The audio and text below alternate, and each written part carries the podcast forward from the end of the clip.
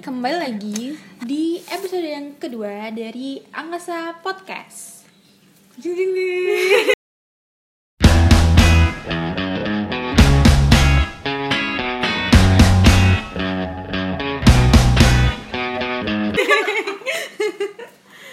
Kalau kemarin udah ditemenin sama Arista dan Baskara, hari ini ditemenin sama Alvina dan dan, Anindita.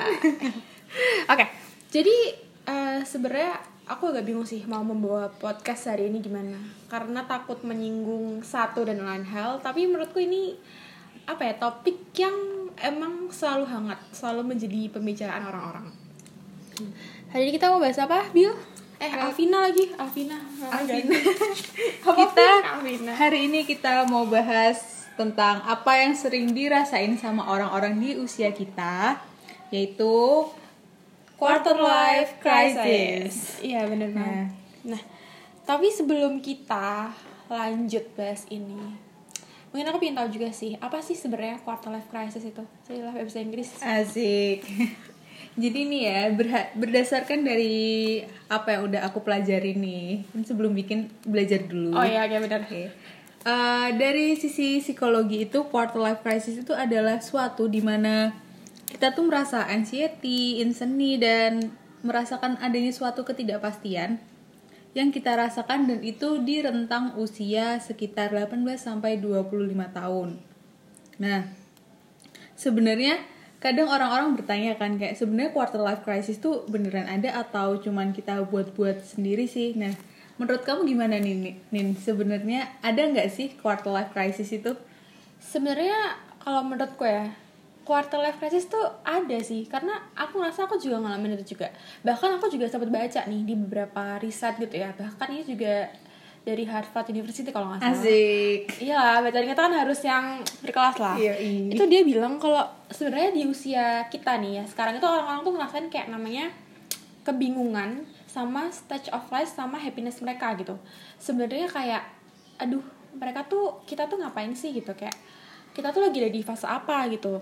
Dan emang di usia 18 sampai 25 nih katanya fase quarter life crisis itu kita transisi gitu karena kan dari yang sebelumnya kita remaja kita jadi dewasa nah setelah kita nikmati fase ini itu nanti kita tuh bakal apa ya kayak stabil gitu ketika udah di 25 ke atas lah ya apa ya umur umurnya segitu deh Kayak udah settle, udah iya, mapan uh, gitu ya karena. Nah, ini ini lagi nih tanda apa sih kayak tanda-tanda quarter life crisis itu? Yang aku tahu nih ya, kalau quarter life crisis itu kadang kita suka merasa eh, Nggak mempertanyakan, kelihatan, mempertanyakan apa yang kita lakuin. Terus juga kadang kita merasa nggak pasti karena kita mempertanyakan nih apa nih Yes, yang kita lakuin gitu kan kayak eh, ngapain aku bikin ini, ngapain aku melakukan ini kayak gitu. Karena kita juga nggak pasti tuh loh apa yang kita lakuin ini bakalan memperoleh apa gitu kan. lanjut Terus- lanjut.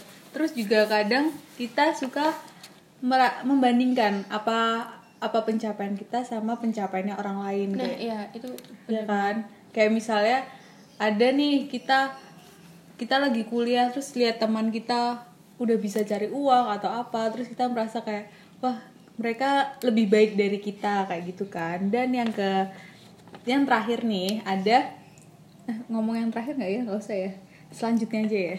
Nah selanjutnya itu kita juga merasa adanya suatu tekanan gitu. Karena kita udah di usia yang ibaratnya tadi ya masa transisi dari remaja ke dewasa. Jadinya kita udah mulai punya tanggung jawab tanggung jawab yang harus kita lakukan. Misalnya setelah lulus kuliah kita harus bisa cari uang kita harus bisa mandiri sama hidup kita. Dan itu malah menjadi suatu tekanan karena kita mempertanyakan kan di awal tadi kayak kita mau ngapain dan kita mau jadi apa kayak gitu. Jadi kita seperti hidup kita itu penuh ketidakpastian dan ketidaktahuan kita mau ngapain ke depannya. Seperti itu. Dan kalau misalnya ya kita kayak tarik garis gitu, makanya garis kesimpulan dari yang udah kita ngomongin tadi tuh apa ya hal-hal ini tuh bisa istilahnya leading feeling to anxiety, terus kita juga kayak jadi questioning terus, jadi apa ya kita tuh nggak stabil dan eksistensi kita tuh juga dipertanyakan gitu. Yang pada akhirnya kita jadi kayak aku tuh siapa ya gitu. Padahal sebenarnya kita punya gitu Kamu diri siapa? kita. Iya. Aku di mana? Lagi abis apa gitu kan? Dan yang paling menurutku ini hal yang krusial dan apa ya bisa membawa keterpurukan gitu kalau kita nggak nangani dengan baik adalah kita jadi self doubt gitu kita ragu sama diri kita sendiri. Padahal setiap orang itu punya kelebihannya masing-masing. Betul banget. Punya istilahnya jalan hidupnya masing-masing lah gitu kan. Tapi ya baik lagi sebenarnya ini nggak melulu tentang kita keluh kesah nggak melulu tentang negatif gitu kan. Karena dari quarter life crisis ini kita tuh bisa dapet pick point gitu. Asik, apa ini. aja sih? Apa aja tuh? Pick pointnya adalah eh, kita jadi tahu kalau setiap orang itu pasti punya gitu. Apa ya? Mereka tuh punya pada akhirnya memiliki keputusan untuk menentukan jalan hidup mereka masing-masing. Kayak misalnya misalnya nih lempar ya kak. Agak seret soalnya ngomong terus. Misalnya kayak kita kita kan pasti punya rencana hidup masing-masing. Mungkin kayak di awal perkuliahan kita punya tujuan masing-masing. Kita ada yang mau lulus tiga setengah tahun ada yang mau lulus 8 tahun nih mau ngabisin masa-masa kuliahnya kayak gitu. terus juga ada juga yang selama kuliah pengen fokus di nilainya biar A semua IPK-nya 4 ada juga yang pengen aktif juga di organisasi dan lain-lain. Kita kayak kita udah punya nih tujuannya masing-masing. Jadi kita kayak nggak perlu apa ya nggak perlu ragu nggak perlu merasa gelisah juga sih merasa anxiety ketika orang lain sudah mencapai apa yang dituju. Karena kan setiap seperti yang selalu aku tanamkan dalam diriku ya ya oke. itu kalau semua orang itu pasti punya waktunya masing-masing. Kita punya rencananya masing-masing kita punya kapan saatnya kita bangkit kapan saatnya kita harus berusaha kapan saatnya kita terpuruk itu semua ada waktunya dan ada hikmah yang bisa kita dapat. Tapi kalau misalnya nih aku tanya nih sekarang ke kamu nih kalau kamu sendiri sebenarnya udah tahu belum sih kayak istilah hidupmu mau seperti apa? At least gambarannya lah habis ini mau ngapain atau to-do list terdekat apa kayak gitu kan. Soalnya ini kebetulan podcastnya masih baru 7 menit ya. Kita harus Oh, iya. nambahin lagi biar ke panjang gitu. biar ini ya durasinya Iya, masih kurang ya kak ya kurang, kita cari-cari topik. topik terus nih. Oke, karena kan tadi kita bahas quarter life crisis ya dan usia aku tuh masih di rentang itu. Jadi Iya. ya mungkin memang untuk ke- aku kadang punya bayangan, kadang merasa nggak yakin sama bayanganku. Masih ya masih seperti yang masih berada di tahap-tahap yang sudah kita bicarakan ya. Kadang gelisah, kadang nggak tahu mau ke mana, kadang berdiam diri di kamar sampai mentalnya kena kayak gitu amit-amit. Astagfirullahaladzim ya Allah jangan sampai.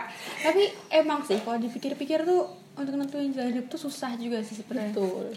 Kalau dibilang orang yang struktur terstruktur ya emang aku orang yang ter- terstruktur gitu tapi kalau diterapkan dalam hidup menurut tuh susah sih kayak kita tuh nggak tahu gitu loh apa yang akan terjadi di hidup kita gitu Ya kadang nggak segampang itu ya. Iya. Kadang hidup tuh penuh dengan surprise. Iya, kadang gitu kita kan udah ya. ngeplan dari A sampai Z susun rapi, dah pokoknya kayak gini-gini.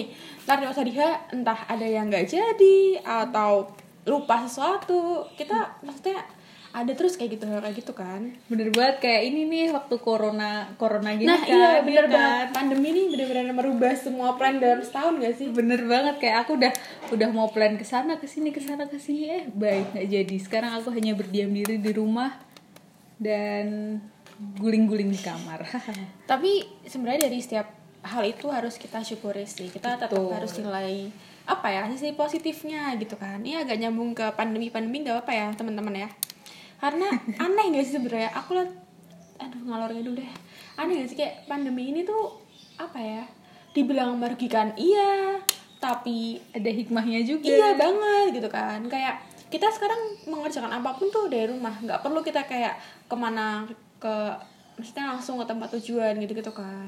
Betul banget. Kayak kalau warga komunikasi semua alamin kan biasanya di semester kita ini semester semester ganjil ini udah Hektik-hektiknya sibuk-sibuknya kan, kan. Liburan Iya, aja betul ke banget. kampus. betul banget sampai kadang seminggu tujuh hari aja Di kurang kampus ya, ya kan, rasanya kayak pengen nambah aja Iya. seminggu bisa 10 hari nggak ya kayak gitu Iya, saking penuhnya terus semenjak pandemi gini kita jadi bisa melakukan semuanya tuh online gitu jadi kita rapat aja sehari bisa dua atau tiga kali. Tinggal tinggal ganti zoom aja nggak perlu berpindah sih, diri tapi. gitu.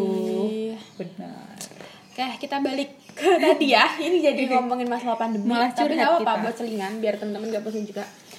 Kalau misalnya kita pikir-pikir lagi dari quarter life crisis ketika kita bikin suatu keluhan ya itu sebenarnya kita juga harus cari solusinya. Betul banget kalau misalnya kita punya permasalahan A dan kita stuck di permasalahan tersebut ya percuma. Maksudnya kita ada di fase quarter life crisis terus kan. Kayak kita sekarang di jurusan komunikasi gitu. Mungkin quarter life crisis yang aku apa ya aku akan pertanyakan sampai sekarang adalah pekerjaan itu pekerjaanku adalah pekerjaan di mana semua jurusan itu bisa masuk sebenarnya. Tanpa perlu masuk ke jurusan komunikasi. Yoi, betul banget.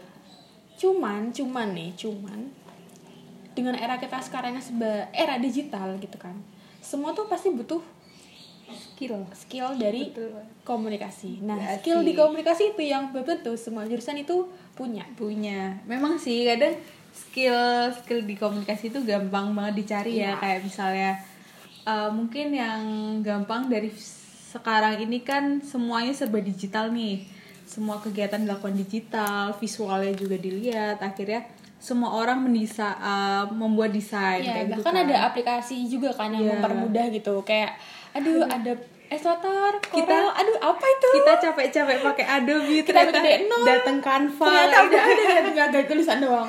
tinggal template ya ampun kasihan banget desainer zaman sekarang ya terus ya kita stuck ada diam nih iya jadi pokoknya gitu teman-teman jadi dan apa ya di komunikasi tuh sebenarnya kalian kerja di mana aja tuh bisa gitu. Betul. mau di perusahaan bisa karena setiap perusahaan pasti butuh anak marketing. Nah kita bisa masuk ke Kita sana. bisa, kita mau di perbankan juga bisa gitu. Karena pada nantinya ketika pengaplikasian kerja tuh menurutku sih kita bisa karena terbiasa kan. Iya betul banget. Apalagi di komunikasi itu kita udah punya basicnya. Enggak iya berkomunikasi Iya, yang baik dan benar. benar. Dan kita ya sebenarnya nggak perlu takut sih karena di di era-era sekarang ini skill-skill komunikasi itu dibutuhin banget kan dari Iya. misalnya baik mau secara online maupun offline kayak sekarang kita kalau lihat-lihat di lowongan kerja atau apa banyak banget yang cari tentang sosial media terus bikin desain grafis marketing dan lain-lain yang itu tuh kita udah punya basicnya jadi tinggal mau enggaknya kita Iya. mengembangkan kayak gitu kan karena kan mungkin aku mikirnya kayak kalau ada komunikasi kan pasti pertanyaan terbesarnya ya. Kayak keluh kesah terbesarnya selain tentang hidupnya dia kan kayak wah jurusanku nih ntar semua tuh bisa gitu. Nah maksudku kayak nggak gitu sebenarnya cara kerjanya. Setiap pekerjaan pasti butuh eh, apa ya istilahnya jurusan bukan jurusan apa ya? Petot. Apa? Lima empat tiga apa ya? dua satu Basicnya masing-masing, Oke. gitu. ya basic teman-teman. Iya. Jadi intinya adalah dari podcast kita episode kali ini adalah jangan panik jangan gelisah ya benar. Setiap permasalahan ada solusinya gitu. betul banget Kalau kita tadi ngomong quarter life crisis di awal-awal kita tentang buruk-buruknya, di akhir kita juga kasih, kasih solusi, solusinya gitu. jadi di sini kita nggak cuman sambat-sambat doang harus seimbang. Yoi, ini juga buat reminding buat diri kita sendiri. Jangan habis ini kita malah yang gelisah gitu ya, Mbak Ngeluh ya. terus. Iya. Padahal ya emang ngeluh tapi ya gimana? Kita jalan aja gitu kan. Ya nggak kerasa kita udah sampai di penghujung episode Acara. kali ini. Oh, episode Iya ya. episode kan ada episodenya Iya. satu dua tiga gitu. Oke, gitu ya. Dan kita mau ngapain nih? Mau nutup atau gimana? ditutup dong ini Oke. udah selesai Pakai pantun topiknya atau udah habis jangan dipanjang-panjangin lagi udah nggak bisa ini Oke.